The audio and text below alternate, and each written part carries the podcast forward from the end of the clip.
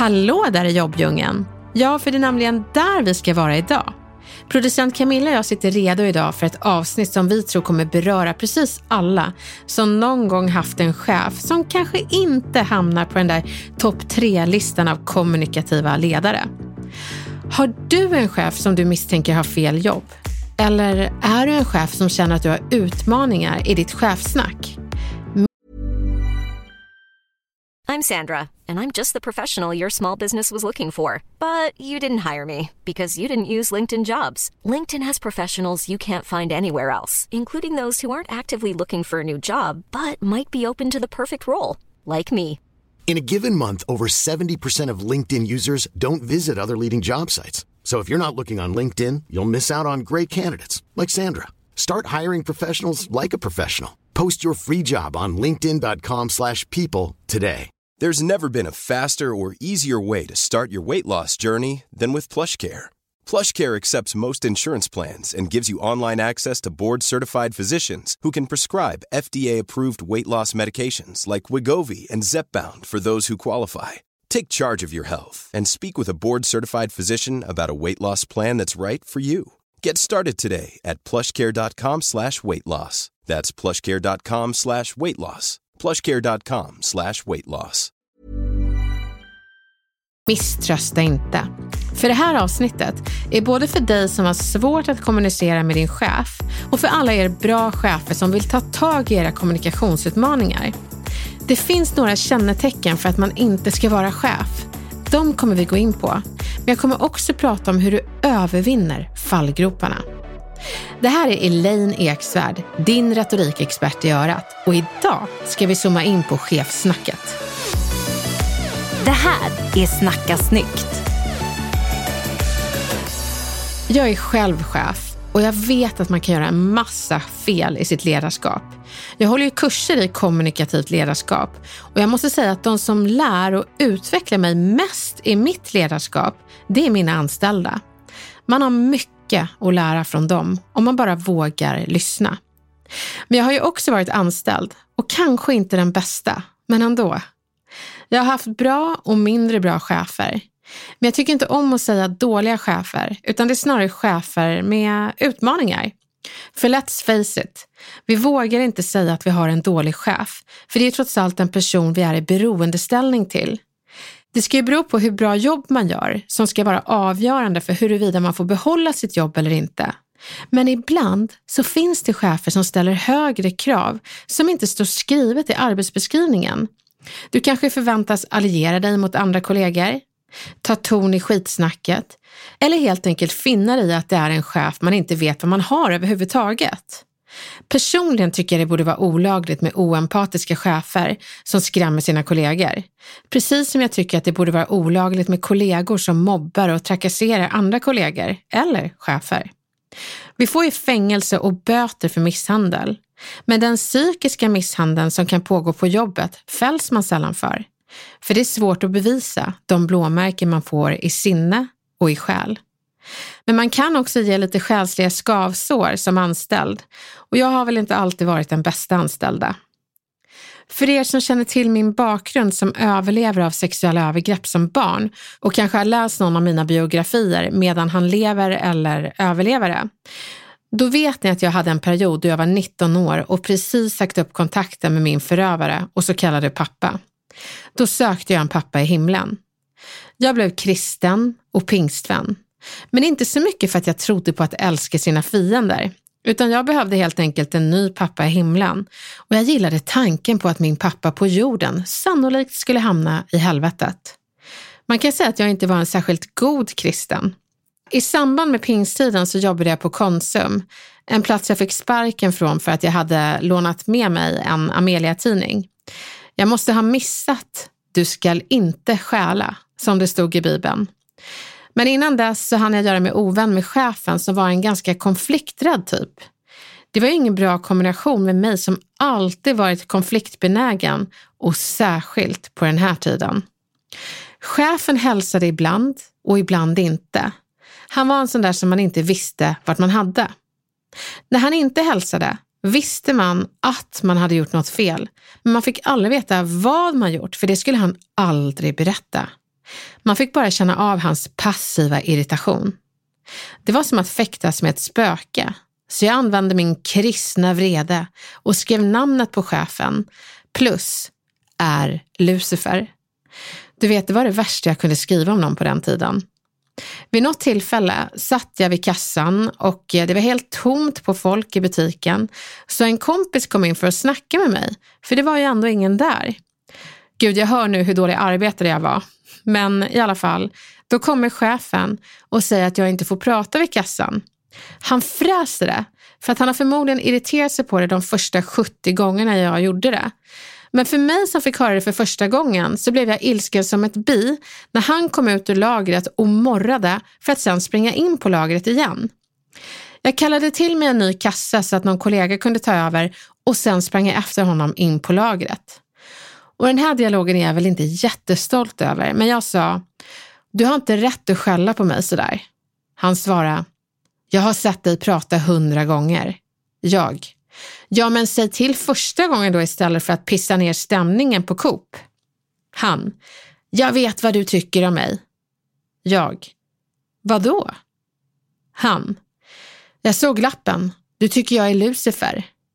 Jag, ja, det tycker jag väste jag och så sprang chefen iväg igen. Vem var dålig här? Jag eller chefen? Jag var ju värdelös uppenbarligen, men jag måste ändå förlåta mig själv som inte var psykiskt stabil på den tiden. Och chefen hade en utmaning man inte gärna ska ha som chef. Han var konflikträdd. Han surade istället för att lösa. Jag skulle säga att istället för att lura runt mig skulle chefen hänvisat mig till en psykolog och själv hanterat sin egna konflikträdsla. Det finns några kännetecken på att man inte ska vara chef. Och du vet om du har en sån chef om chefen är en sura istället för att säga till chef. Du har det om chefen alltid är en överraskning. Man vet liksom inte vilket humör som kommer in på jobbet eller vad det beror på.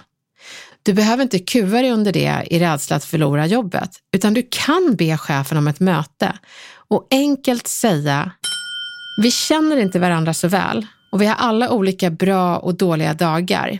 Men eftersom du är min chef vill i alla fall jag veta när jag har gjort något fel. Så jag tänker att istället för att undra om jag har gjort något så vill jag bara veta om du säger till om det skulle vara något. Producent Camilla, jag måste bara ta in dig och fråga, skulle du kunna säga så till någon du är i beroendeställning till? Har du haft en sån chef som du inte vet vad du har? Att prata med någon man inte vet vad man har eller som man någonstans inte vet vart sånt här samtal ska ta vägen. Det är ju jätteläskigt. Det är det, men det är mycket läskigare att vara i förväntansångest och ta med sig den där oron hem och undra, har jag gjort någonting? Istället för att undra så kan man ju faktiskt fråga. Skulle du våga fråga? Ja, det beror nog på hur länge jag har levt med den här förväntansångesten. Jag tror att det måste komma till eh, den punkten där man känner att jag pallar inte det här mer. Nu måste jag göra någonting. Ja. För jag tror liksom inte att det är något som jag skulle våga ta itu med direkt. Utan det skulle nog behöva gå en stund tyvärr. Ja, ja det är synd att man samlar så. För det kan ju vara känslomässigt helt dränerande att att man vågar när man blir osäker första gången bara fråga så att man inte samlar på sig massa osäkerhetssituationer utan våga fråga. Men det är ett väldigt bra tips Elaine för de som är som jag. Ja. Men jag tror bara att dels är man rädd för att ta upp det. Men dels så går man ju också tillbaka till sig själv och tänker det kanske är jag. Jag kanske behöver förändra någonting för att det här ska funka eller för att det här ska bli bättre. Och då tar det ju en stund innan man fattar det. Nej, men, nej vänta nu här. Det här beror inte på mig. Jag förstår att det, att det är jobbigt, att man liksom inte vågar fråga, vågar gå fram till någon, att man undrar, man vill gärna ha svar först i, i sig själv, att man analyserar situationen så pass mycket att nej, men det här är förmodligen mitt fel eller det är ingenting. Men jag tänker att jag förstår också den förväntansångesten att gå runt och undra, det tar ju också väldigt mycket energi. Och ställer man de här scenarierna mot varandra, att undra i en längre tid, eller att fråga personen som du har en liksom, professionell relation till, så går det ju mycket snabbare att fråga. Och om du inte gör det dömande utan nyfiket för att du vill att det ska bli en bra relation och du vill ha chans att be om ursäkt om du har gjort någonting, då är det liksom, du gör ju ingenting dumt. Du tar död på din förväntansångest och ditt grubbleri och du får svar på frågan. Det kanske är läskigt med, med svaret, men då vet du och då behöver du inte undra. För undra och grubbla, det är att förhålla sig till hjärnspöken och de är ju inte riktiga. Ett svar är ju faktiskt ett scenario att förhålla sig till på riktigt. Men Elaine, innan man kommer till det här själva samtalet som man ju ändå tycker är jättejobbigt att behöva ta, så måste man ju också be om chefens tid. Hur tycker du man gör det? Skickar man ett mejl? Hej, skulle vi kunna prata? Eller? Det beror helt på vilka omständigheter det är. Men eh, jag, eh, jobbar man på distans så får man gärna mejla eller ringa. Och, eh, så att man inte sätter frågan för långt fram utan att det är inom en snar framtid. För att det spelar ingen roll vem det är eller vem som är i beroendeställning. Det är alltid lite obehagligt för en chef eller för en vanlig människa att höra vi måste prata. Så jag skulle säga, jag, jag har en liten undran som jag undrar, det är ingen stor grej, men kan du, kan du prata en stund? Så, tänker jag.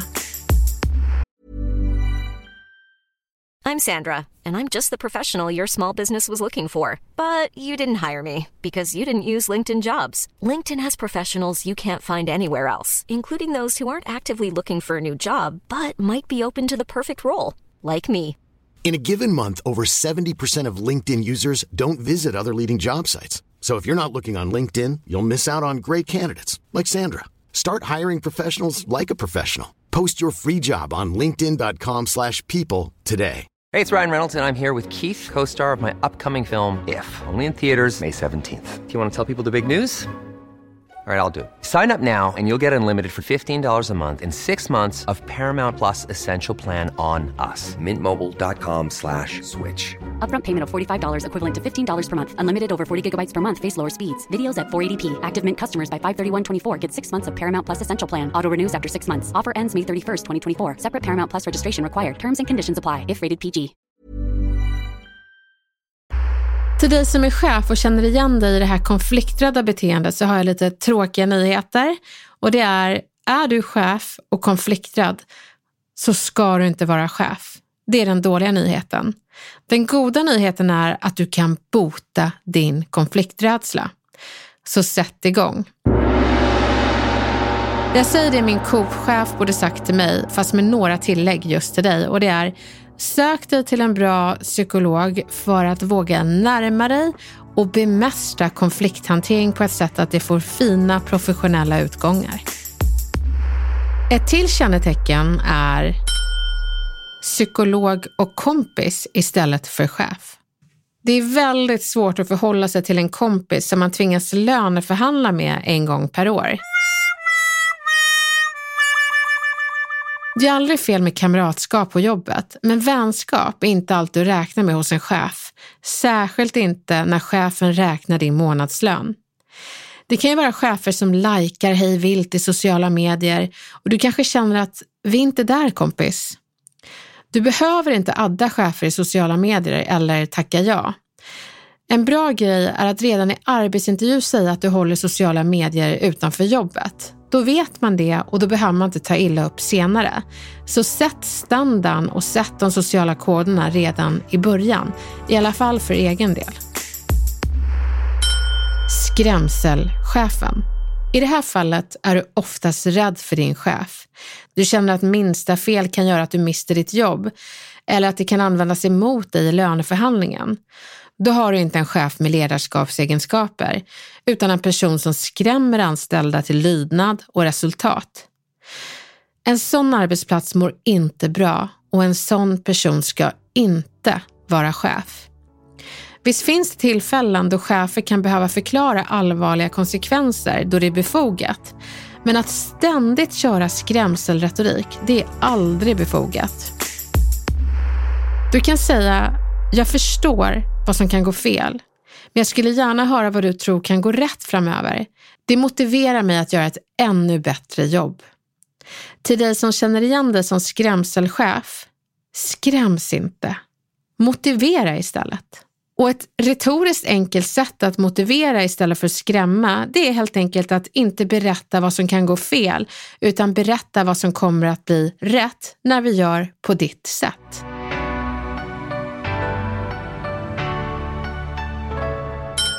Ett till kännetecken på att arbetsplatsen lider av ett inte så bra ledarskap, det är att väldigt många duktiga slutar. Det finns chefer som är skickliga på att rekrytera bra folk, men urusla på att behålla dem. Man får bara hoppas att de är mellanchefer så att chefen över kastar ett öga på den höga personalomsättningen och frågar vad som står på. Men övercheferna möter ju sällan dåliga mellanchefer, för de här mellancheferna är ju trevligare ju högre upp du sitter. Därför behöver de anställda prata direkt med chefen över mellanchefen som kanske inte behandlar dem på rätt sätt. Och så här gör du som anställd. Om du vet med dig att din chef är en tyrann som skrämmer bort folk från arbetsplatsen och dessutom driver in folk i väggen, se till att ni är några stycken med delad erfarenhet, nuvarande anställda och kanske de innan, de som chefen skrämde bort.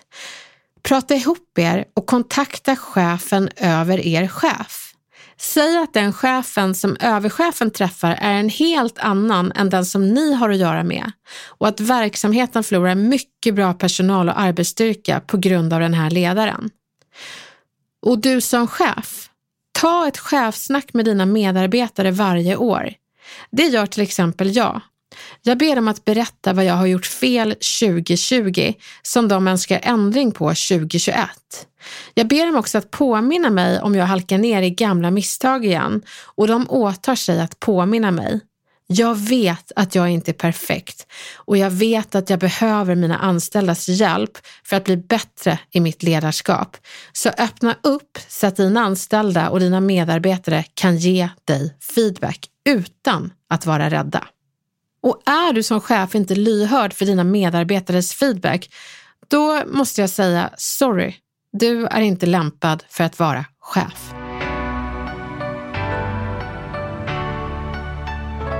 Tack och lov så finns det en massa verktyg för hur både du som chef och du som anställd kan utveckla det kommunikativa ledarskapet på ditt jobb.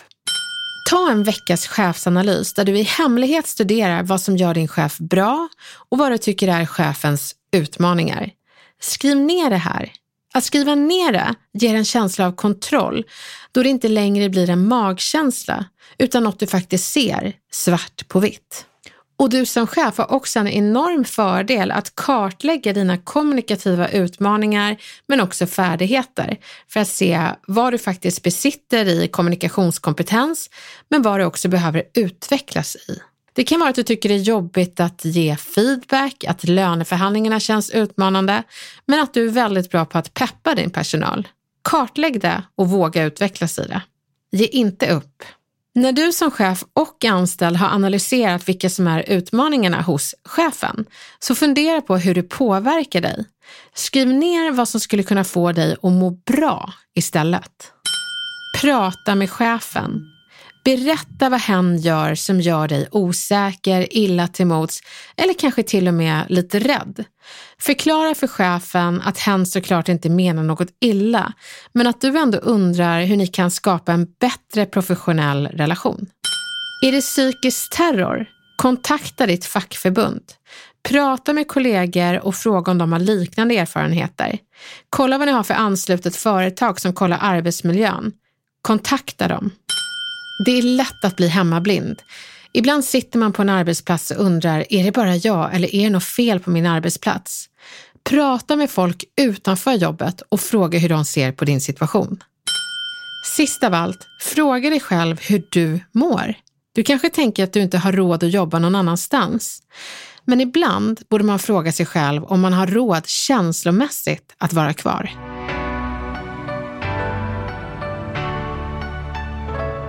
Att prata om vad som är en dålig chef och vad som kännetecknar en, det är ju bra för att man ska kunna undvika fallgroparna. Men jag tycker också vi ska blicka upp och titta på ledstjärnorna. Vad är det som kännetecknar en bra chef? Här är några takeaways från min workshop Kommunikativt ledarskap. Ha högt i tak för feedback och kritik. Och jag vet, det låter så jädra slitet när man säger högt i tak, men vad det innebär, det är att en arbetsplats som mår bra, den sjudar av god självkänsla. Det är liksom en plats där man vågar ge feedback och kritik, för man vet att det är ju inte för att trycka ner, utan för att utveckla folk. Har du den känslan på din arbetsplats så är den riktigt bra. Och du som chef ska alltid sträva efter att få en sån känsla och skapa en sån känsla. Och vad gör du bäst då? Jo, genom att bli en person som gärna tar emot feedback och tackar folk som ger dig feedback för att det får ju dig att växa. På den här arbetsplatsen så vet du vart du har folk. Om någon är lite sur så har hen berättat att hen har en dålig dag och att det kanske inte är du utan det är PMS. Du tillbringar inte jobbtid till att grubbla eller undra. Du vet hur dina medarbetare fungerar för att de har kommunicerat det. Folk vågar ta ansvar för sina missar utan att köra the blame game. Man är ju inte rädd för att ta ansvar på en sån här arbetsplats för chefen har inte skapat en kultur för felfria varelser utan för folk som vågar testa, vågar göra fel, borsta av sig, göra om och göra tio gånger bättre nästa gång. Du har en chef som du vet pratar till dig, aldrig om dig. Det ger ett tryggt arbetsklimat. Och det du som chef kan göra, det är att när du märker att folk snackar skit om sina medarbetare så kan du säga, jag känner att jag inte riktigt har med det här att göra. Prata direkt till din kollega. Om inte det funkar, då får du gärna komma till mig som chef för att jag kan hjälpa er att lösa er professionella relation. Chefen är tillgänglig. Inte en sån här stressad chef, du har säkert träffat en sån när du behöver prata, utan när du kontaktar chefen så får han att känna dig som en viktig person i laget. Chefen tar sig tiden och lyssnar på sin nyckelspelare. Och det fina är att alla är nyckelspelare. Chefen ger inte bara kritik utan också beröm. Och här kan du som chef lite ha som en kompass och en vågskål. Hur mycket feedback har jag gett den här veckan? Oj, ja, jag har gett rätt mycket. Väg upp med lika mycket komplimanger. Och låt det inte vara komplimanger som vad snygg du är eller fina skor, utan på någonting de har presterat eller gjort. Och det behöver inte vara presterat enligt arbetsbeskrivning, utan det kan bara vara att man har varit en extra snäll kollega, att man köpte med sig frukt eller att man såg att någon annan mådde dåligt och meddelade dig så du fick chans att hjälpa den här medarbetaren. Så våga berömma din personal. En emotionellt intelligent chef det är en som förstår att det inte bara jobbet ska göras, utan de som genomför jobbet, de behöver må bra i genomförandet. Det är en person som inte bara läser arbetsuppgifter utan också läser måendet hos sin personal. Jag tycker att alla chefer, ledare, politiker, världsledare borde genomgå ett emotionellt intelligenstest innan de fick makten att styra över andra människor. En prestigelös chef är den bästa chefen du kan ha. För det är en som kan erkänna och be om ursäkt när hen gör fel. Det finns liksom ingen motståndskraft i att säga ett så enkelt ord som förlåt eller en sån enkel formulering som jag ber om ursäkt, sorry. Den prestigelösheten borde alla arbetsplatser ha och har ni inte den så skaffa den. Bästa vägen är genom att chefen ser till att skapa prestigelöshet. För så här är det. Chefen är stammen och de anställda är grenarna. Så det blir ju väldigt mycket som stammen är lämpad. Det är inte lätt att konfrontera en chef. Men det som jag sagt så många gånger förut, det är inte att bråka att kontakta chefen, utan det är att lösa en situation. Om det är någon tröst så är det inte ett monster du ska prata med, utan en människa. Ha en mental bild av att chefen sitter i blöjor. Då brukar man känna sig lite mindre hotad och faktiskt lite road. Du Elaine, vi har ju ett dilemma från verkligheten. Ja! Här kommer den, är du redo? Jag är redo. Hallå! Jag måste prata med en vän, men jag vet inte alls hur jag ska närma mig det jag behöver säga. Hon tar alldeles för stor plats i vår relation och jag har inte energi att vara kvar i den här vänskapen om det inte sker en förändring. Kan jag tala om detta för henne så att det landar bra? Eller är det kört? Oh, den där är så svår. Så det låter ju som att det är en person som hon fortfarande vill vara kompis med men vill bara ändra relationen just nu. Mm. Och då tänker jag att man inte ska säga att personen är dålig utan att man själv mår dåligt. Att det finns vissa tendenser som ja, tar energi just nu. Att jag tycker jättemycket om att umgås med dig. Det enda jag tycker är svårt det är när du ger mig eh, förslag som jag inte tycker om. Det beror ju helt på vad det är för någonting som den här personen gör som tar energi. Så rada upp vad personen gör som gör att du känner dig dränerad. Och så skiljer du på din vän som du tycker om och tendenserna som vännen har och ber personen att sluta med tendenserna när hen umgås med dig. Det är allt. Då blir det väldigt enkelt att inte ta det så personligt, att man säger jag tycker om dig, men jag tycker inte om när du ger mig råd som jag inte vill ha. Utan jag vill faktiskt inte ha några råd alls. Jag är helt känslomässigt fullsmockad. Jag vill bara ha ditt sällskap och dina öron. Hur känns det för dig? Den där frågan på slutet är jätteviktig. Att man frågar, hur landar det hos dig? Eller hur känns det för dig? Vad tänker du om det jag säger? Och kanske har vännen också tankar och då kanske det blir ett jättefint samtal. Ja, precis. Och det kanske är att den här personen trodde att du ville ha en massa råd som du inte ville. Så uh, den här personen kanske känner, gud vad skönt, då slipper jag vara din coach. Det har jag försökt vara hela tiden nu och det orkar jag verkligen inte med. Tack! Jag hoppas verkligen att uh, du känner att du har svar på det här problemet och att er vänskapsrelation går från att du känner dig dränerad till att du känner dig upplyft och att ni faktiskt vågar berätta för varandra när någon tendens inte känns så bra just nu. Lycka till nu. Jag hoppas verkligen att det här vänskapssamtalet går bra. Och tillbaka till självsnacket. Kom ihåg nu att livet är alldeles för dyrbart för att tillbringa 9 till 5 med en dålig, eller jag menar en chef med utmaningar. Lycka till nu. Vi hörs snart igen.